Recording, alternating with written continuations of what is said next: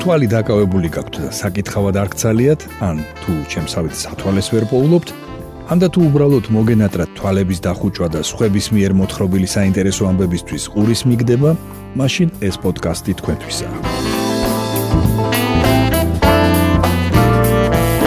გამარჯობა.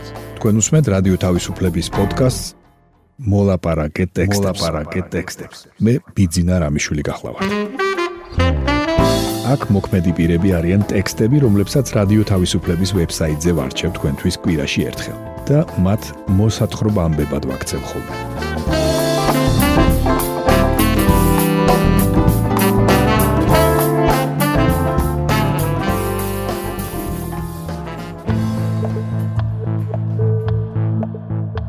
გაგაცნობთ ინტერვიუს ლიტერატორ ლევან ბერძენიშვილთან, რომლისთვისაც ლექციების წაკითხვის აკრძალვას მოითხოვეთ.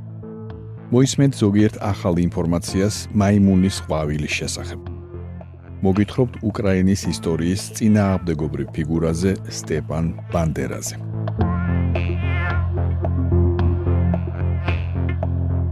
ხალხს ატყუებენ თითქოს ჩვენ ვიბრძვით ყველაფერი ქართულის წინააღმდეგ. ინტერვიუ ლევან ბერძენიშვილთან.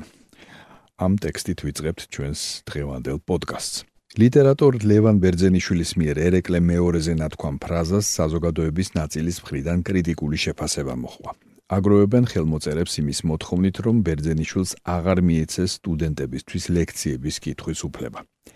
გაგაცნობთ ამონარიდებს ლევან ბერძენიშვილთან ინტერვიუდან, რომელიც ნასტასია არაბულმა აიღო.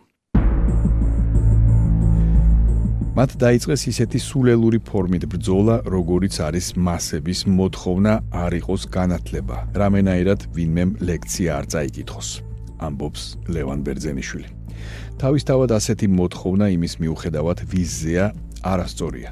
იყო დრო ჰაიდეგერზე ითხოვდნენ იმავეს, იყო დრო სოკრატეზე. მე კარგ კონტექსტში ვარ. ცუდ კონტექსტში ისინი არიან, ვინც ეს მოიფიქრა. თლიანობაში ეს ჩემთვის პატივია. მათ ჩათვალეს, რომ მე საკმარისი სიდიდე მაქვს იმისთვის, რომ ბევრი ორთქლი გამოუშვა საზოგადოებამ ჩემს. ჩვენი ცხოვრება იცვლებოდა. ადრე არაფრის თქმა არ შეიძლებოდა. ახლა რაღაცის თქმა შეიძლება. მე არ მგონია ახლა ის დრო იყოს ერეკლეზე სიმართლის თქმა რომ არ შეიძლება. მე მართალი გითხრათ, კარგად არ მესმის, რატომ მიახტნენ ამ ნაწილს. არ მიუშვათ სტუდენტებთანო. მე და სტუდენტებს გვაქვს სპეციფიკურად თბილი ურთიერთობა. ასე იყო სულ ყველა ეპოქაში. ასეთი ბედი აღმომაჩნდა. ლექციების ჩატარება რომ ამიგრძალონ, YouTube-ზე ჩანაწერებს რას უზამენ. არის ხალხი, რომელიც თვლის, რომ არავინ არაფერზე არაფერი არ უნდა თქვას, გარდა იმისა, რაც უკვე ითქვა. ილია არის გენიალური პოეტი. ილიას და აკაკის უყვარდათ ერთმანეთი. ნოე ჟორდანია და ილია კარგები იყვნენ ორივე. ცოტა ვერ გაუგეს ერთმანეთს, მაგრამ რა მოხდა? მაინც ყველა გვიყვარს. ესა მასის აზრი. მერე იწება კვლევა. ამ კვლევაში იმდენი სიმართლე არსებობს და ზოგიერთი სიმართლე ისეთი ცუდი მოსასმენია, მაგრამ ეს ყველაფერი რაც ახლა ხდება ერეკლეზე, სინამდვილეში ერეკლეზე არ ხდება. ერეკლე არაფერ შუაშია. იმავე გამოსვლაში ბიძინა ივანიშვილზე იყო კრიტიკული ნათქვამი. მე ყველაზე მეტად იმაზე ვღელავ, რომ დღევანდელი ხელისუფლების მხარდამჭერი ერთი ადამიანი არ გამოიძებნა, რომელიც იტყოდა: კი, სისულელე თქვა, დეგენერატია, მაგრამ სტუდენტებთან ლექციები არ უნდა აუგზავნოთ. ამის გამო გული დამწყდა კი. თუ ჩვენ საზოგადოებას ის ჭირის ჭირს, რაც ჭირს, უნდა გამოვლინდეს კიდეც. ძალიან კარგი რომ გამოვლინდა. მე ვიცი ერთი რამ, თუ კი საზოგადოებაში ასეთი რამ ჭრის და თუ კი საზოგადოება მშვიდად უყურებს, რომ იდიოტები ადგენენ პეტიციას, ის საზოგადოება ავად არის. ქართული ოცნების მხარდამჭერების უდიდესი ნაწილი ვერ არის მორალურად მოწოდების სიმაღლეზე. ასე ვიტყვი ფრთხილად, რომ არ თქვა სიტყვა ავადა, რაც ძალიან არ მოსწონთ. ჩვენი საზოგადოება ადრეც იყო ავად, როცა 90%-ით ირჩევ ვინმეს ავად ხარ, მაგრამ ყოველთვის იყო იმედი, რომ რაღაც გზა დაისახებოდა. ბიძინამ ძალიან უკან დაგხვია და ძალიან ჩამოგვარჩინა. ისე დაიმორჩილა ეს ხალხი, კოლეგები ვერ ბედავენ სიტყვის თქმას. თქვენ მოისმინეთ ინტერვიუ ლევან ბერძენიშვილთან. სტატიის სათაურია ხალხს ატყუებენ თითქოს ჩვენ ვიბრძვით ყველაფერი ქართულის წინააღმდეგ. ლევან ბერძენიშვილთან ინტერვიუ ნასტასია არაბულმა აიღო.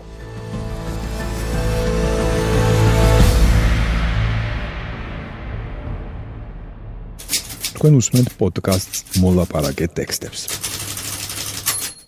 ახლა მოისმინეთ ანუკი ბურდულის სტატია რა გავიგეთ მეტი კითხვები და პასუხები მაიმუნის ყვავილის შესახებ. სოფლიოში გავრცელებული ვირუსული ინფექცია მაიმუნის ყვავილი ბოლო მონაცემებით ვირუსისთვის არაენდემურ 23 ქვეყანაშია დადასტურებული. მათ შორის საქართველოსთან შედარებით ახლო ევროპულ ქვეყნებშიც: ჩეხეთში, გერმანიაში, ავსტრიაში, ბულგარეთში, იტალიასა და ასე შემდეგ. საერთო ჯამში ამ ქვეყნებში დაფიქსირებულია 300-მდე შემთხვევა. NCDC-ის ინფორმაციით, მაიმუნის ყვავილით ინფიცირებისას კლინიკური გამოვლინება ყვავილის მსგავსია, თუმცა მიმდინარეობა ძირითადად მსუბუქია.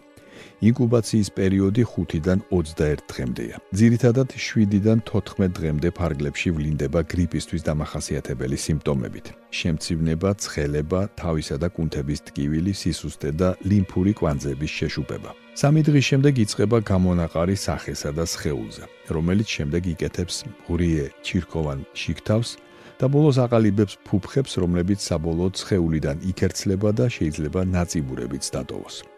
დაავადებას მაიმუნის ყვავილი ეწოდება, რადგან ის პირველად გამოვლინდა ტყვეობაში მყოფი მაიმუნების კოლონიებში, რომლებსაც კვლევისთვის იყენებდნენ 1958 წელს. ეს ვირუსული ინფექცია მხოლოდ მოგვიანებით 1970 წელს აღმოაჩინეს ადამიანებში. ვირუსის გადადება ხდება ინფიცირებული ადამიანის კანთან უშუალო კონტაქტით, ბიოლოგიური სითხეების საშუალებით, ან ინფიცირებისას ტანისამოსის საერთო ჭურჭლის გამოყენების შემთხვევაში. თუმცა გადადების მასშტაბი და რისკი გაცილებით დაბალია ვიდრე ეს მაგალითად კორონავირუსის შემთხვევაშია. ჯანდაცვის მუშაკები, დაავადებულის ოჯახის წევრები და სექსუალური პარტნიორები ინფექციის უფრო დიდი რისკის ქვეშ არიან. განსაკუთრებული რისკის ქვეშ არიან ორსულები და ახალშობილები. ადამიანებს, რომლებსაც ყვავილის ვაქცინაცია გაუკეთეს, სავარაუდოდ აქვთ გარკვეული დაცვა მაიმუნის ინფექციისგან. თუმცა ყვავილის საწინააღმდეგო ვაქცინაცია მთელ მსოფლიოში შეწყდა 80-იან წლებში, მას შემდეგ რაც ყვავილი გახდა პირველი დაავადება, რომელიც აღმოიფხვრა. ჯერ უცნობია გადადის თუ არა მაიმუნის ყვავილის სქესობრივი გზით, მაგრამ ვინაიდან გამონაყარი ზოგჯერ სასქესო ორგანოებზე და პირის ღრუშიც არის, ეს სავარაუდოდ ხელს უწყობს ვირუსის გადაცემას სქესობრივი კონტაქტის დროს. მიზეზი, რის გამოც დაავადების გავრცელებისას მეტი ცნობები გაჩნდა ჰომოსექსუალ მამაკაცებში მაიმუნის ყვავილის შემთხვევების შესახებ, შეიძლება იყოს ამ დემოგრაფიულ ნაწილში ჯანმრთელობის პოზიტიური ქცევა. ანუ ისინი მეტად აქცევენ ყურადღებას საკუთარ ჯანმრთელობას. ჩვენ ვიცით როგორ შევაჩეროთ ეს დაავადება და როგორ დავიცვათ საკუთარი თავი და სხვები. სტიგმა და დისკრიმინაცია არასოდეს არის კარგი და ეს არ არის კარგი ამ ეპიდემიასთან მიმართებაში. ჩვენ ყველანი ერთად ვართ ამაში, ამბობს ჯანდაცვის მსოფლიო ორგანიზაცია. 23 ქვეყნიდან მაიმუნის ყვავილის 300-მდე დადასტურებული შემთხვევაა არაენდემურ ქვეყნებში. ჯანმო დაავადების გავრცელებას არ აძლევს ეპიდემიის კვალიფიკაციას და ცდილობს იმის დადგენას თუ როგორ ვრცელდება ვირუსი, რათა მოხერხდეს დაავადების გავრცელების ეფექტიანი პრევენცია. სანამ ეპიდემიოლოგები ზუსტად შეისწავლიან ვირუსის ქცევასა და გამომწვევ მიზეზს არაენდემურ ქვეყნებში, თავრობები ვაქცინებს იმარაგებენ. ყვავილის საწინააღმდეგო ვაქცინა ეფექტიანია მაიმუნის ყვავილის წინააღმდეგაც. დაავადებათა კონტროლის ეროვნული ცენტრის საზოგადოებრივი ჯანმრთელობის რისკებზე მზადყოფნისა და რეაგირების სამმართველოს უფროსი ანა კასრაძე რადიო თავისუფლებასთან საუბარში აცხადებს, რომ ამ მომენტისთვის ინფექციის შემთხვევების ადრეულ გამოვლინებასთან დაკავშირებით ინფორმაცია დაეგზავნა სამედიცინო სერვისების მიმწოდებელ დაწესებულებებს. უახლოეს მომავალში სტრატეგიის დაგეგმვის მიმართულებითაც დაიწყებენ მუშაობას და განსაზღვრავენ, როგორ მოიქცევა სახელმწიფო ვირუსის გავრცელების შემთხვევაში. თქვენ მოისმინეთ ანუკი ბურდულის სტატია რა გავიგეთ მეტი? კითხვები და პასუხები მაიმუნის ყვავილის შესახებ. თქვენ უსმენთ პოდკასტს მოლაპარაკე ტექსტებს. პოდკასტს დაასრულებს თეატოფურია სტატია სტეპან ბანდერა. წინააღმდეგობრივი ფიგურა წინააღმდეგობის მოძრაობიდან. ეროვნული გმირი თუ ტერორისტი? ვინ იყო სტეპან ბანდერა, ვერც უკრაინა და ვერც დანარჩენი მსოფლიო დღემდე ვერ შეთანხმებულა.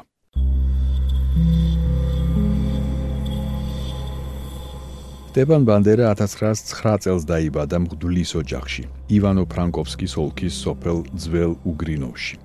მისი ახალგაზრდობა მსოფლიოს მორიგ გადანაწილებას დაემთხვა. ისტორიის მაგისტრი, თბილისის სახელმწიფო უნივერსიტეტის დოქტორანტი გიორგი ცომაია, რომელმაც სტეპან ბანდერას მოღვაწეობა შეისწავლა, ყვება რომ ბანდერამ ცხოვრების დიდი ნაწილი უკრაინის დამოუკიდებლობისთვის ბრძოლაში გაატარა ჯერ პოლონეთის, შემდეგ კი საბჭოთა ხელისუფლების წინააღმდეგ. უკრაინელი ნაციონალისტების ორგანიზაცია 1929 წელს შეიქმნა და ყველაზე აქტიური 30-იან წლებში იყო. გიორგი ცომაია ყვება, რომ ორგანიზაციას სურდა დამოუკიდებლობის მოპოვების შემთხვევაში უკრაინა ფაშისტური სახელმწიფო გამხდარიყო. თუმცა დროთა განმავლობაში ორგანიზაცია დაშორდა ამ ультрарадикალურ მიზანს, რადგან მიხვდა, რომ სხვაგვარად დასავლეთი არ დაეხმარებოდა. სტეპან ბანდერა უკრაინელი ნაციონალისტების ყველაზე რადიკალურ ფრთას ხელმძღვანელობდა. ორად გაყოფილი სამშობლოს გასაერთიანებლად ისინი ტერორისტულ მეთოდებსაც იყენებდნენ. გიორგი ცომაია ხვება, რომ ბანდერელები სხვადასხვა დროს 200-დან რამდენიმე 1000 კაცამდე იყვნენ. თავს ირჩენდნენ ბანკების ძარცვით, ბეჭდავდნენ და ყიდდნენ გაზეთებს. ერთგვარი შეთანხმება ჰქონდათ ვაიმარის რესპუბლიკასთანაც. ისინი უკრაინელ ნაციონალისტებს მათი მებრძოლების გერმანიის ტერიტორიაზე გაწვრთნაში ეხმარებოდნენ. ფილოსოფოსი იგორ ჩუბაისი ამბობს, რომ ჰიტლერი სტეპან ბანდერას მას შემდეგ გადაემტერა, რაც 1941 წელს იგი უკრაინულ დივიზიასთან ერთად ლვოვში ჩავიდა და უკრაინის სახელმწიფოებრიობის შესახებ გამოაცხადა. ეს ფიურერის გეგმებში არ შედიოდა. ამიტომ სტეპან ბანდერა საკონცენტრაციო ბანაკში გაგზავნა, ამბობს ჩუბაისი. ამის შემდეგ უკრაინელი ნაციონალისტების საქმიანობა პოლონეთის ტერიტორიაზე ღრმაიად და ქვეშეთში გადადის. ასე გრძელდება მეორე მსოფლიო ომამდე. უკრაინელი ნაციონალისტებისთვის საბჭოთა კავშირიც მტერი იყო. ამიტომ ომის დროს ბანდერელები საბჭოთა არმიის უკან დახეულ ნაწილებს ესხმოდნენ თავს. ებრძოდნენ მცირერიცხოვან გერმანულ საჯარისო ნაწილებსაც. უკრაინის წინააღმდეგობის არმიას ნაციონალურ ორგანიზაციას უწოდებენ, რაც ბოლომდე ზუსტი არაა. მათ ადამიანის მიმართ დამოკიდებულება ჰქონდათ არა მისი ეროვნულობიდან გამომდინარე, არამედ იმის და მიხედვით თუ რას ფიქრობდა ეს ადამიანი უკრაინის დამოუკიდებლობაზე. თუ უკრაინის დამოუკიდებლობას ემხრობოდა, ებრაელი იყო, პოლონელი თუ უკრაინელი, თავისიანად მიიჩნევდნენ, ამბობს იგორ ჩუბაისი. 1946-47 წლებში სტალინმა ხელოვნურად მოაწყო შიმშილობა, ჰოლოდომორი უკრაინაში, რომ პარტიზანული მოძრაობა არ დაეშვა. ფაშისტებთან ბრძოლაში სტალინს ამერიკა და ინგლისი ეხმარებოდნენ. საკუთარ ხალხთან ბრძოლაში კი დასავლეთი ხელს არ შეუწყობდა. ამიტომ პოტენციურ პროტესტს ასე გაუმკლავდა. ციტატის დასასრული. მეორე მსოფლიო ომის დროს სტეპან ბანდერა გერმანიის ქალაქ ზაქსენჰაუზენში მდებარე საკონცენტრაციო ბანაკში იყო გამოკეტილი. ის ომის დასრულების შემდეგაც გერმანიაში დარჩა. ნაციონალისტებისთვის სტეპან ბანდერა იყო ბელადი, რომელიც შორს არის. ფიზიკურად ვერ ხელმძღვანელობდა, რადგანაც დაბრუნების შემთხვევაში მოკლავდნენ. მაგრამ უკრაინულ ნაციონალისტურ მოძრაობას თვითორგანიზებაც კარგად გამოსდიოდა. ისინი ათეულობით წლების განმავლობაში ფაქტობრივად ლიდერის გარეშე არსებობდნენ. ყვება გიორგი ცომაია. 1959 წელს სტეპან ბანდერა საბჭოთა აგენტმა ბოგდან სტაშინსკიმ მოკლა მოწამლული პისტოლეტით. 2010 წელს უკრაინის მაშინდელმა პრეზიდენტმა ვიქტორ იუშჩენკომ სტეპან ბანდერას უკრაინის გმირის წოდება მიანიჭა, რასაც როგორც უკრაინაში, ისე მის გარეთ არაერთგვაროვანი რეაქცია მოხდა. სტეპან ბანდერაზე ერთი აზრი არც ახლაა. გიორგი ცომაია ამბობს, რომ უკვე დღევანდელი გადასახედიდან თანამედროვე უკრაინული საზოგადოება სტეპან ბანდერასა და ბანდერელებს დამოუკიდებლობისთვის ბრძოლას უფასებს.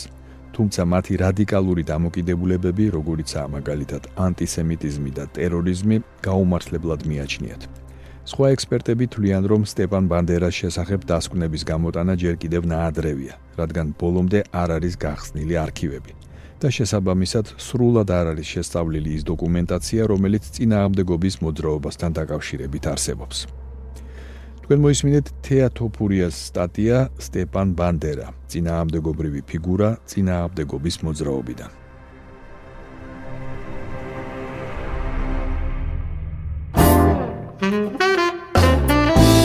თქვენ მოისმინეთ რადიო თავისუფლების პოდკასტი მოლაპარაკე ტექსტები.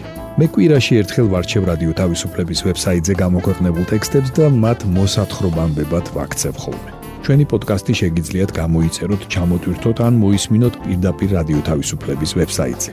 მისი მისამართია თავისუფლება.ge. თუ ჩემი მიერ მოთხრობილი ტექსტები სრული სახით დაგაინტერესებთ, მათი მოძებნა იულია. ვებსაიტზე, პოდკასტის გვერდზე იპოვით ყოველ ცალკეულ პროგრამაში მოთხრობილი ტექსტების ბმულებს. მე ბიძინა რამიშვილი ვარ. მომავალ შეხვედრამდე.